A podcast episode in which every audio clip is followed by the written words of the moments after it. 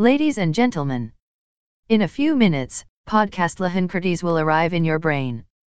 To all passengers who started the trip with podcast Lahankertes, please prepare your belongings. We remind you to set your sound on until the podcast end. Thank you for listening our podcast. See you on the next episode.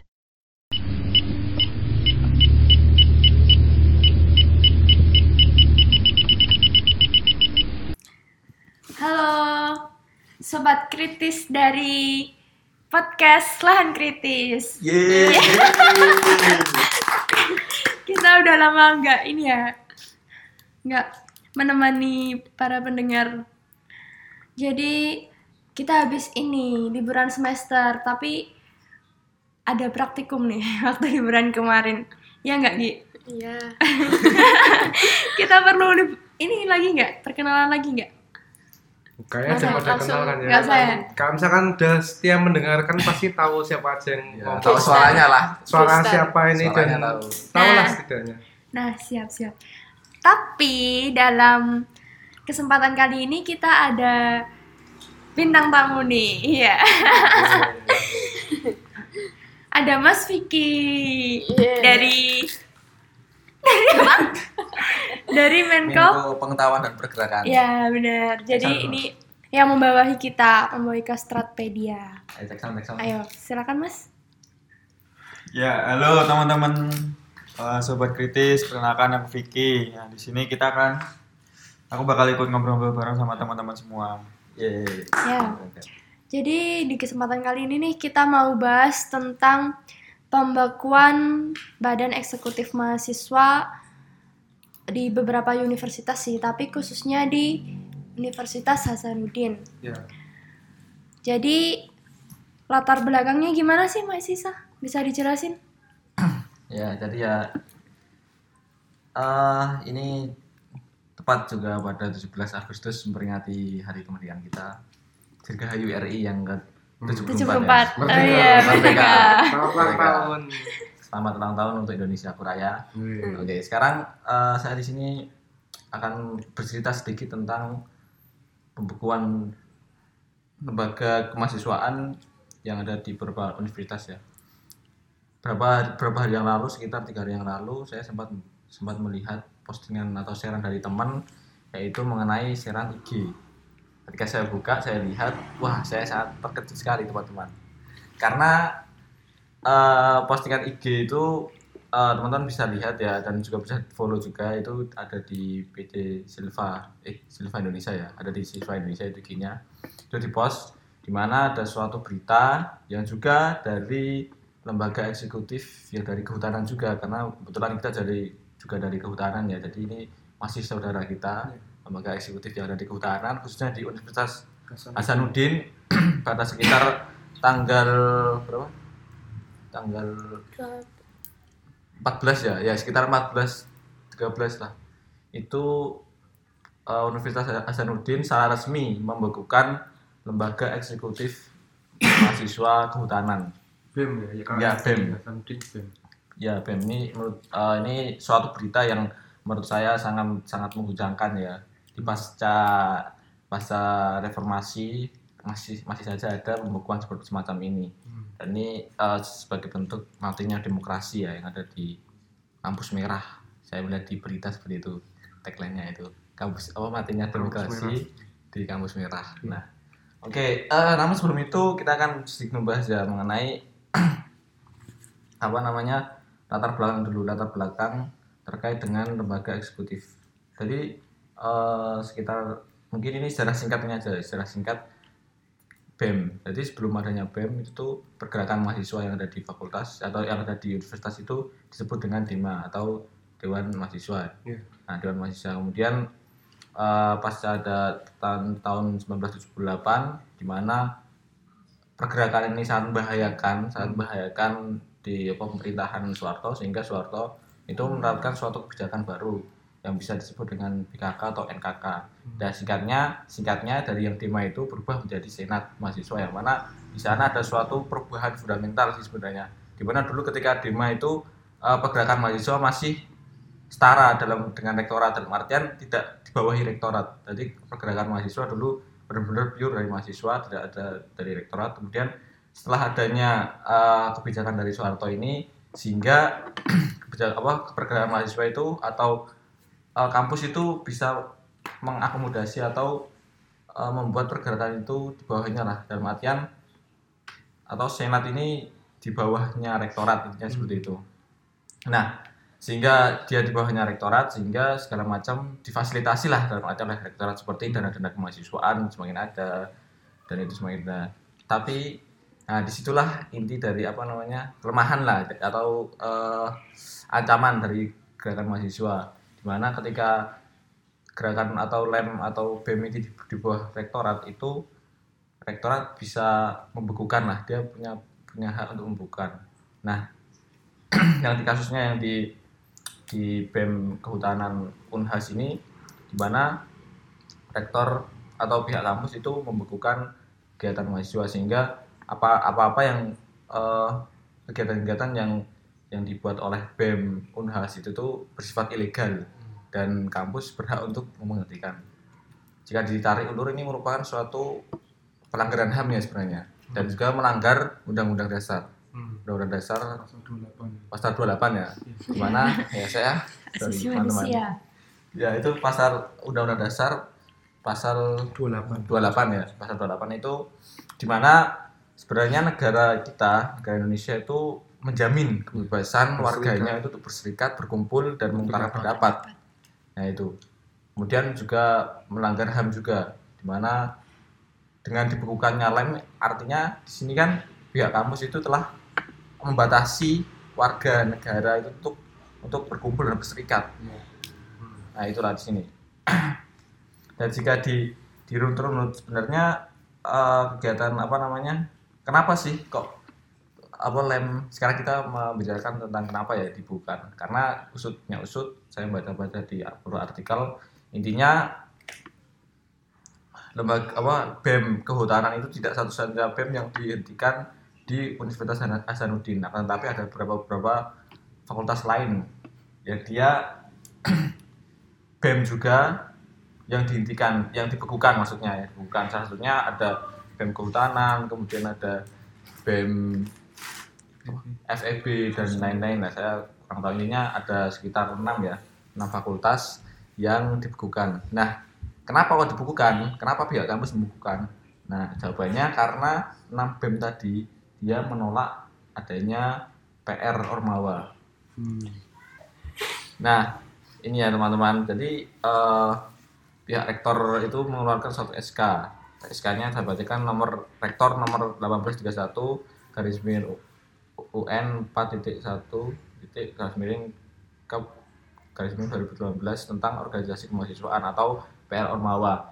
Nah, lembaga tadi 6 fakultas atau 6 lem atau 6 BEM yang ada di beberapa fakultas di Universitas Hasanuddin itu dibekukan dibekukan karena mereka itu menolak SK rektor ini Hmm. SK rektor ini dia di- ditolak dia tidak setuju dengan adanya SK rektor ini ya saya baca yang saya lihat dari argumen mereka kenapa mereka menolak karena sejatinya pada SK rektor ini merupakan SK atau peraturan dari kampus yang yang mereka merasakan tuh uh, pergerakan atau kegiatan mahasiswanya tuh merasa terbatasi jika ada rektor apa jika ada keputusan rektor ini sehingga mereka menolak dan ada beberapa kejanggalan-kejanggalan Hmm. salah satunya yang saya baca itu salah satu kejanggalan yang mungkin ya menurut saya adalah ke- kejanggalan yang yang bisa dikatakan yang memang janggal. Ya gitu. Ya karena Hmm, emang iya. aneh ya. Aneh itu salah satunya eh intinya ya intinya saya saya tidak membacakan secara redaksional tapi intinya presiden atau ketua lem BEM itu tuh harus diakui dan disahkan oleh pihak universitas dan fakultas. Hmm. Nah, di sini kan merupakan memang saya melihat ya ini memang ada suatu kejanggalan, memang juga janggal karena seharusnya memang eh, lembaga kemahasiswaan itu pure dari mahasiswa. Iya. Jika ada statement seperti ini atau peraturan seperti ini artinya bisa saja pihak kampus atau pihak fakultas itu tidak mengakui, tidak mengesahkan. Gitu loh.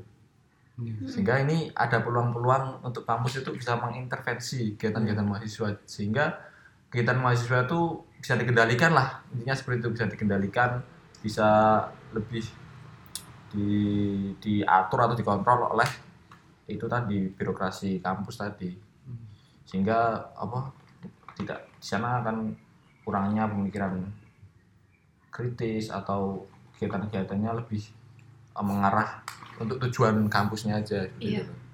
dan ada ada juga dalam SK ini menuntut untuk eh, kegiatan atau lembaga kemahasiswaan itu jadiin satu warna gitu loh satu warna jika kita lihat di di UGM itu kan ada ada sistem lembaga kemahasiswaannya itu seperti DEMA, BEM, LEM, BEM, LEM, LM. LM kan bebas. Iya. Yang penting mereka apa ada intinya organisasi pure dari mahasiswa. Iya. Nah, yang di kasusnya yang di Unhas ini tuh kampus itu pengen satu ragamkan gitu loh. Hmm. Biar buat satu ragam biar seluruh fakultas atau seluruh seluruh kegiatan lembaga seluruh lembaga kemahasiswaan itu bentuknya sama sama BEM, B- BEM atau BPM yang kalau BPM di sana dalam SK-nya itu sebagai fungsi legislatif. Kalau BEM itu fungsi eksekutif dan semuanya harus di apa pengen disamaratakan seperti itu. ya Itu kan membatasi gerak dari mahasiswa sebenarnya. Ya benar. Jadi itu ada uh, responnya dari mahasiswa sendiri gimana setelah dibekukan gitu mas? Setelah dibukukan itu saya baca dari yang dari dari web di Unas itu mereka mengadakan suatu aksi Hmm. dan uh, keputusan itu ditentang oleh banyak apa namanya banyak alumni alumni aktivis Iya. Itu banyak sekali menentang dan mereka menol- apa mengadakan suatu aksi menolak PR Ormawa tolak PR Ormawa tapi ya itu tadi Tetap tidak Tetap, ada respon ya, dari tetap. univers, uni, unif itu sendiri. UNIF tetap membukukan kegiatan itu sih. Heeh. Hmm. Dari sudut pandang mahasiswa nih, dari kita yang diberi kebebasan yang lebih luas, gimana tak menurut tak? Ya kalau aku eh, apa ya menganggap kalau apa tuh kegiatan-kegiatan atau kasus-kasus tersebut merupakan apa ya bentuk kesayangan ya. Karena apa ya eh, karena misalkan kita meruntut dari peristiwa-peristiwa sejak zaman dulu mahasiswa itu memiliki peran yang sangat besar loh di dalam bidang pergerakan.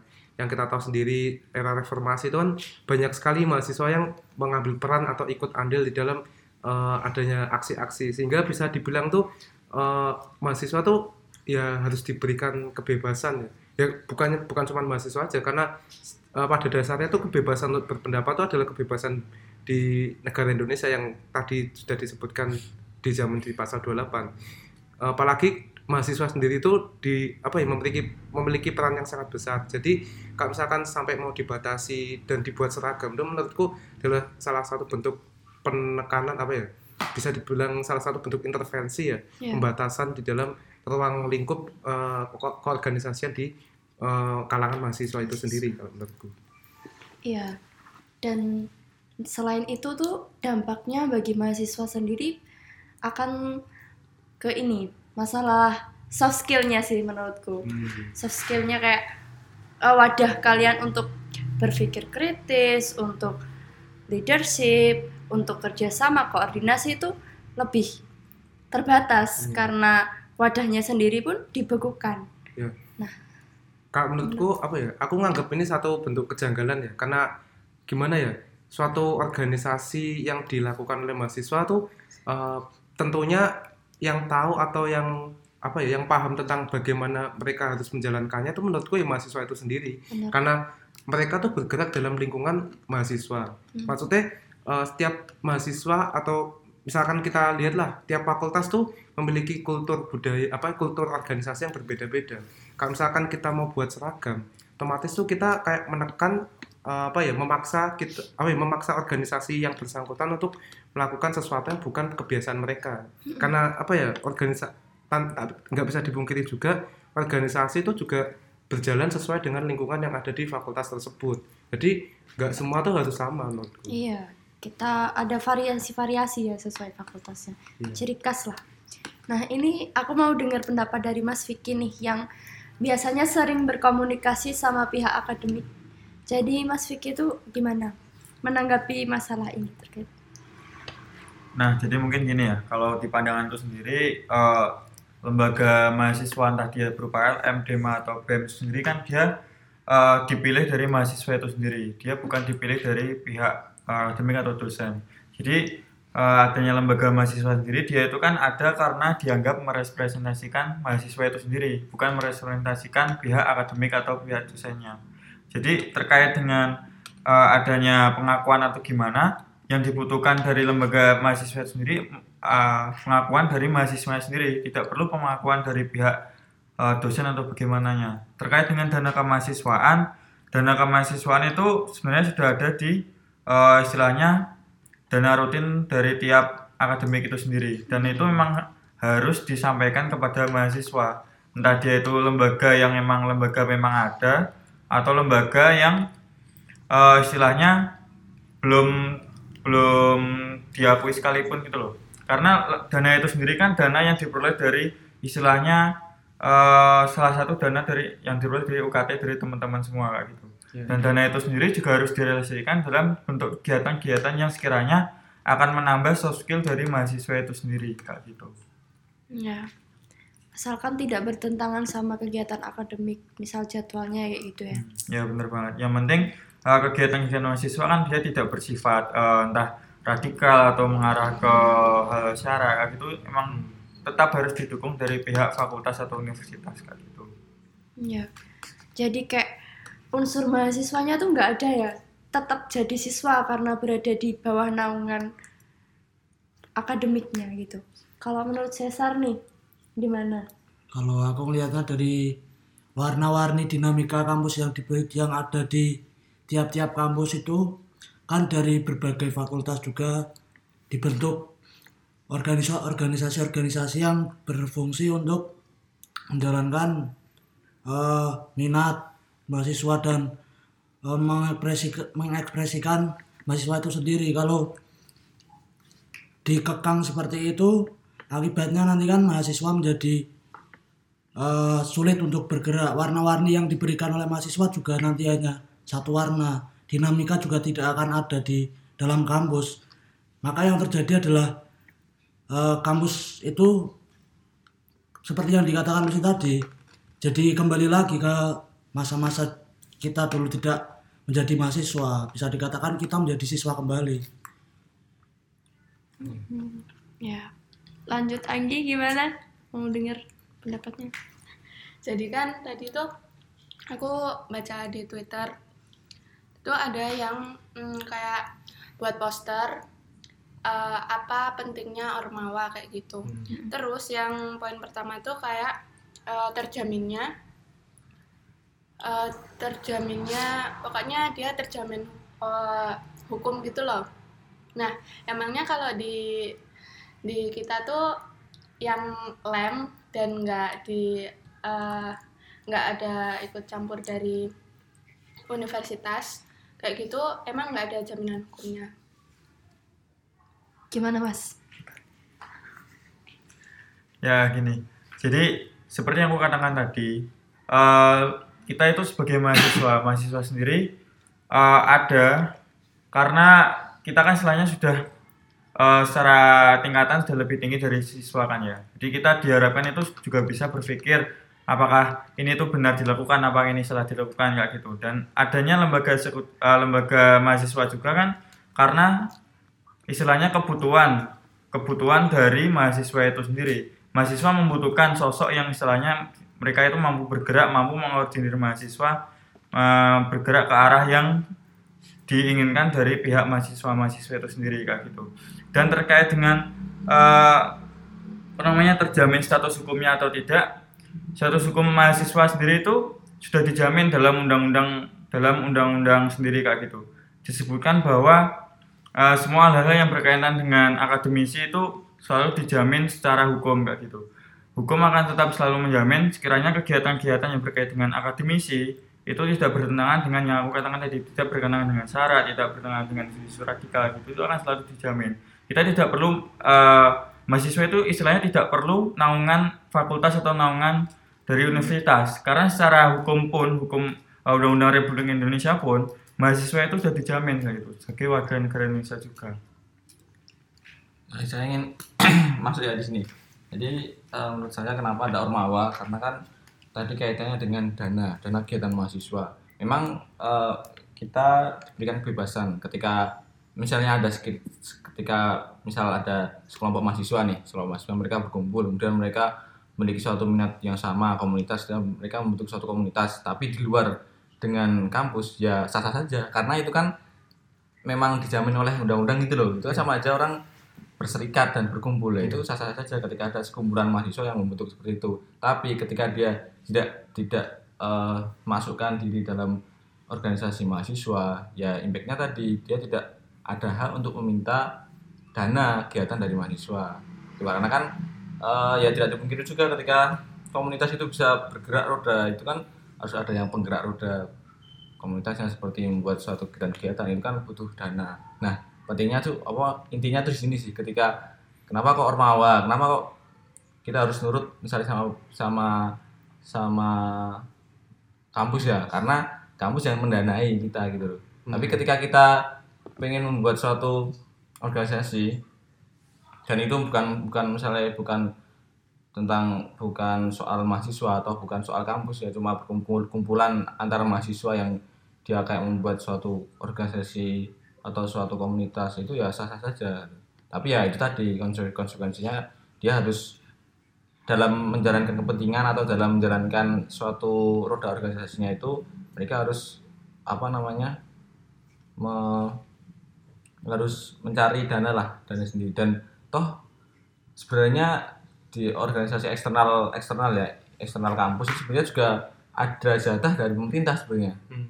ada seperti kayak uh, GMNI, HMI, kemudian PMII mereka organisasi-organisasi eksternal kampus itu sebenarnya juga ada udah ada. Udah ada sudah didata oleh pemerintah itu loh. Sebenarnya itu sih. Jadi aku menanggapi dari yang tadi menanyakan soal ruang lingkup pergerakan mahasiswa tuh mengarah ke mana sih? Apakah kita hanya terbatas pada suatu fakultas, suatu universitas, atau mengkritisi akademik, atau yang lainnya? Gimana? Mas Vicky? Nah, jadi arah gerak mahasiswa sendiri kan dia punya eh, istilahnya cakupannya tersendiri-sendiri ya. Eh, adanya eh, badan eksekutif fakultas, badan eksekutif universitas kan untuk misalnya memudahkan koordinasi dari cakupan-cakupan tersebut. Jadi badan eksekutif mahasiswa di tingkat fakultas sendiri kan dia diharapkan bisa mengordinir aspirasi-aspirasi dari teman-teman di tingkat mahasiswa eh, di tingkat fakultas seperti apa gitu. Dan juga ntar eh, untuk membuat suatu gerakan atau membuat suatu eh, terobosan di tingkat universitas dibutuhkan aspirasi-aspirasi dari tiap fakultas tersebut. Nah, jadi jika tidak ada badan eksekutif di tingkat eh, fakultas, maka aspirasi-aspirasi itu juga akan bias gitu loh di tingkat fakultas untuk dijadikan eh, apa namanya? Bahan dijadikan evaluasi. suatu bahan evaluasi di tingkat universitas kayak gitu. Eh, contoh contoh konkretnya seperti ini. Kita mau melakukan suatu kegiatan nih. Kegiatannya katanya eh, untuk membantu teman-teman kita dalam terkait UKT kayak gitu. Nah, apakah teman-teman yang terkait UKT itu emang dia, dia benar-benar membutuhkan gitu loh? Contoh, kita mengambil fokus Universitas eh, Hasanuddin eh, terjadi perlu adanya penyusunan UKT karena UKT-nya terlalu mahal. Nah, kita perlu kita juga perlu tahu apakah emang yang mahal itu Universitas Hasanuddin atau hanya beberapa fakultas saja. kayak gitu. Jika kita hanya memfokuskan eh, satu universitas, maka kita eh, bahan evaluasi dari suatu lembaga eksekutif itu juga akan bias kayak gitu karena datanya sendiri itu bukan data yang sangat kompleks kayak gitu. Ya. Se- saya menanggapi ya. Jadi memang ada menarik sekali dari pertanyaannya moderator Lucy ya. Iya. Dari Lucy itu tentang sebenarnya itu arah gerak mahasiswa itu mau ke mana gitu loh. Jadi pergerakan kita tuh apa gitu loh. Organisasi ma- kemahasiswaan itu seperti apa. Jadi saya melihat bahwa mahasiswa saat ini itu sebagai lembaga yang benar-benar harus independen gitu. Harus pure berarti arah gerak mahasiswa yang mana didasari dengan intellectual movement atau pergerakan intelektual. Jadi pergerakan-pergerakan yang berbasis pada kajian-kajian, yang berbasis pada suatu eh, apa namanya fakta-fakta yang real di lapangan, yang berbasis pada teori-teori ininya berbasis pada kajian ilmiah lah. Sehingga pergerakan, pergerakan mahasiswa saat ini bukan lagi pergerakan yang anarkis, yang waton asal wah yang penting yang penting wani demo bukan seperti itu ya. tapi kita harus bergerak sesuai dengan kajian-kajian ilmiah sesuai dengan masalah-masalah yang ada. Dan saya melihat bahwa seharusnya mahasiswa atau dari lembaga kemahasiswaan itu bebas. Dalam artian tidak terkungkung apa pun. Ketika mahasiswa pengen mengkritisi kampus ya harusnya itu sah-sah saja gitu ya. Ketika mahasiswa ingin mengkritisi pemerintahan ya itu menurut saya sah-sah saja. Karena ya inilah demokrasi gitu loh. Ketika kampus dikritik oleh mahasiswa terus malah apa namanya membekukan atau malah membatasi arah gerak mahasiswa ya. Ini malah justru dipertanyakan gitu. Jadi Demo- demokrasinya di mana gitu. Padahal ini adalah apa ini adalah kampus gitu loh di mana semua itu ber- berdasar pada intelektual. Ketika kampus apa memiliki perilaku yang cenderung tidak cenderung malah menyala- menyalahi demokrasi ya di mana gitu loh. Apa efek in- intel- intelektualitasnya intelektualnya. Karena kan intelektual itu kan dia lebih bersifat bebas dan luas. Terbuka gitu ya terbuka. Harus terbuka seperti itu. Jadi ketika kampus dikritik kemudian mereka marah terus mereka kayak membu- membukukan atau tidak memberhentikan dana mahasiswa nah ini malah perlu dipertanyakan. Ini kok kampus kok seperti ini? Jadi ada suatu malah suatu apa namanya? Timbul suatu apa ya, paradok Paradok. ya intinya dia kok para kontradiksi. Ya ya kontradiksi lah. Ya itulah. Lebih harusnya agak lebih kontradiksi itu. Ya. Gitu sih Nah, sebenarnya tuh kalau kita mau mengungkapkan pendapat tuh ada pengontrolnya nggak sih? Dari pihak lembaga lain atau dari dalam lembaga itu sendiri? Nah, jadi gini, eh, kalau aku punya pemikiran ya, jadi kita sebagai mahasiswa itu sebenarnya ada yang namanya asas kebal hukum. Hmm. Jadi asas kebal hukum gimana? Kita mahasiswa itu sebenarnya kita bebas. Mau kita mau mengikuti pandangan yang mana, kita mau sebagai yang pro atau kontra itu itu kita itu masih bebas sebagai mahasiswa. Beda kalau kita sudah jadi pekerja. Ketika kita sudah jadi pekerja, kita maka harus mendukung eh, tempat di mana kita bekerja kayak gitu. Kita sebagai mahasiswa kita bebas. Kita mau mendukung eh, tentang hal yang ini, kita mau menentang hal ini, kita itu masih bebas kayak gitu. Ya. Jadi mahasiswa itu sebenarnya eh, sebenarnya eh, tingkatan yang paling enak dalam sebuah birokrasi itu. Karena karena eh, mahasiswa itu bebas untuk melakukan krit- kritikan juga bebas untuk melakukan dukungan dan itu tidak ada yang menentang. Karena kita sendiri itu istilahnya masih tidak terikat oleh badan apa pun kayak gitu. Beda kalau dalam kasus BEM UNAS ini ya. Kalau BEM UNAS sendiri sudah diikat sebagai yang terkoordinir dari pihak fakultas pihak universitas maka BEM UNAS sendiri itu sudah menyalahi yang namanya asas dari mahasiswa itu sendiri. Dia bukan jadi sebagai yang mahasiswa yang bebas tapi, dia juga eh, tapi di istilahnya dia sudah, sudah sebagai mahasiswa yang menjadi kaki tangan dari pihak eh, akademik itu sendiri pihak rektorat itu sendiri kalau aku menangkapnya seperti itu Berarti dengan adanya SK ini ya, dengan adanya SK Hmm. rektor ini justru malah mahasiswa tuh seperti jadi kehilangan kebebasan kebebasannya gitu ya, kehilangan Iya. dinamisnya kemudian malah menjadi suatu kayak kaki tangan dari kampus itu ya. Dengan Iya. kampus pengen A, nanti disalurkan dengan mahasiswa A gitu ya. Jadi Iya. tidak ada tidak ada apa perilaku yang bebas dari ma- gerakan mahasiswa itu sendiri. Ini menyambung yang ditanyakan Anggi tadi sih Mas, yang terkait status hukum dan pendapat Mas Vicky tadi tentang kebal hukum. Nah, itu tuh maksudnya gimana ya? Status hukum tuh status hukumnya mahasiswa tuh sebagai apa di sini? Apakah hanya pengakuan saja kamu mahasiswa atau status hukum sebagai apa gitu? Nah, jadi eh, apa sih yang dimaksud kalau Ormawa itu dia punya kepastian hukum gitu ya? Ya. Jadi kepastian hukum yang dimaksud itu sendiri ya kalau dia menjadi eh, diakui oleh pihak eh, universitas atau fakultas, dia punya SK tersendiri bahwa dia itu emang tanggung jawab dari pihak fakultas atau universitasnya gitu loh. Jadi di universitas itu atau di fakultas itu ada organisasi apa aja sih yang ada di bawah naungan dari eh, fakultas itu sendiri kayak gitu.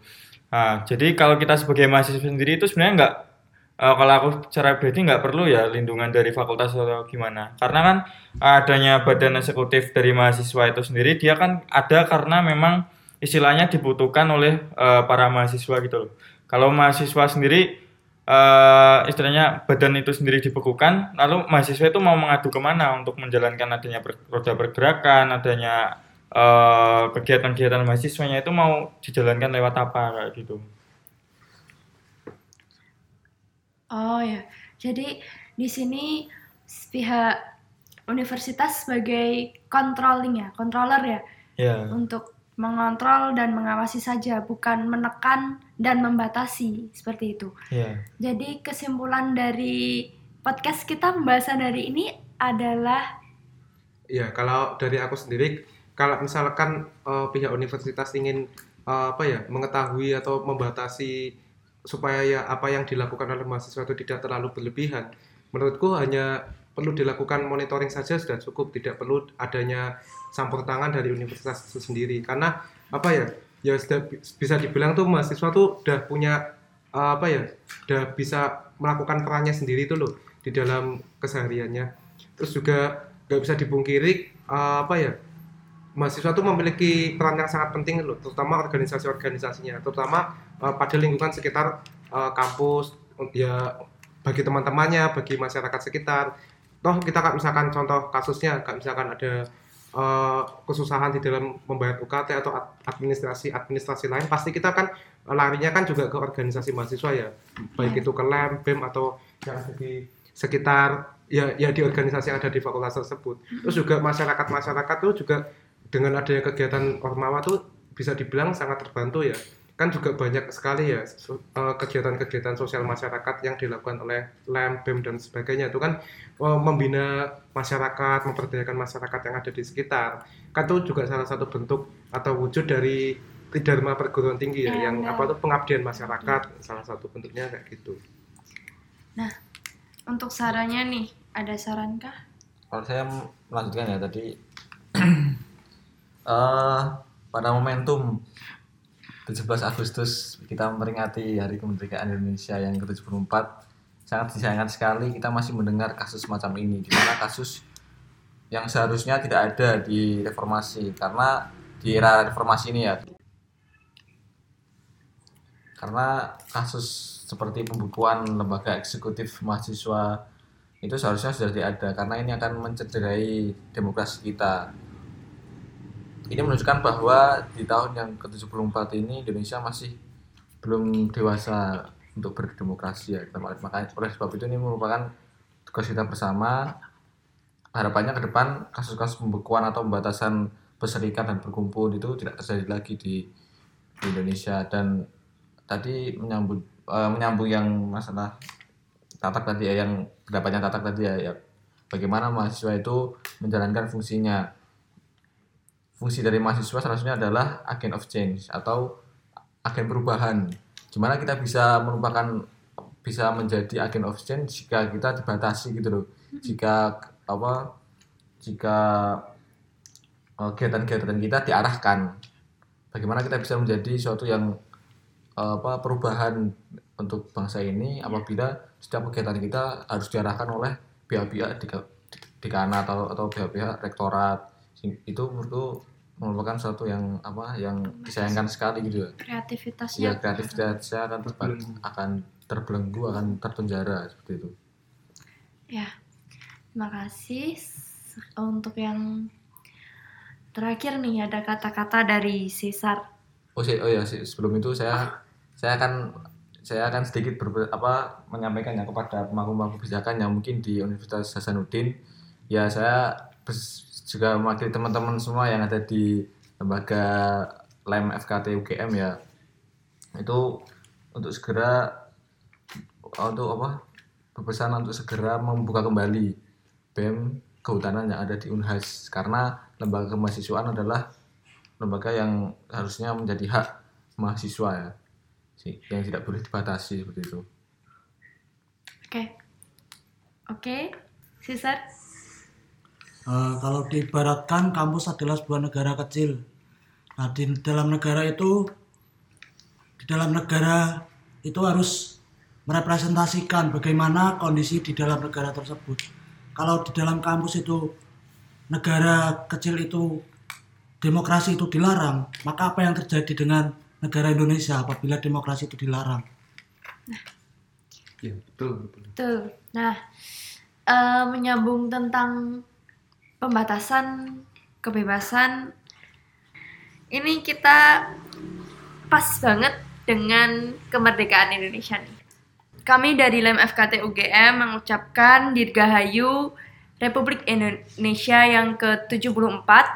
Semoga kebebasan-kebebasan kemerdekaan tetap ada di negara ini sebagai modal awal adanya kreasi-kreasi, karya-karya, dan sesuai tema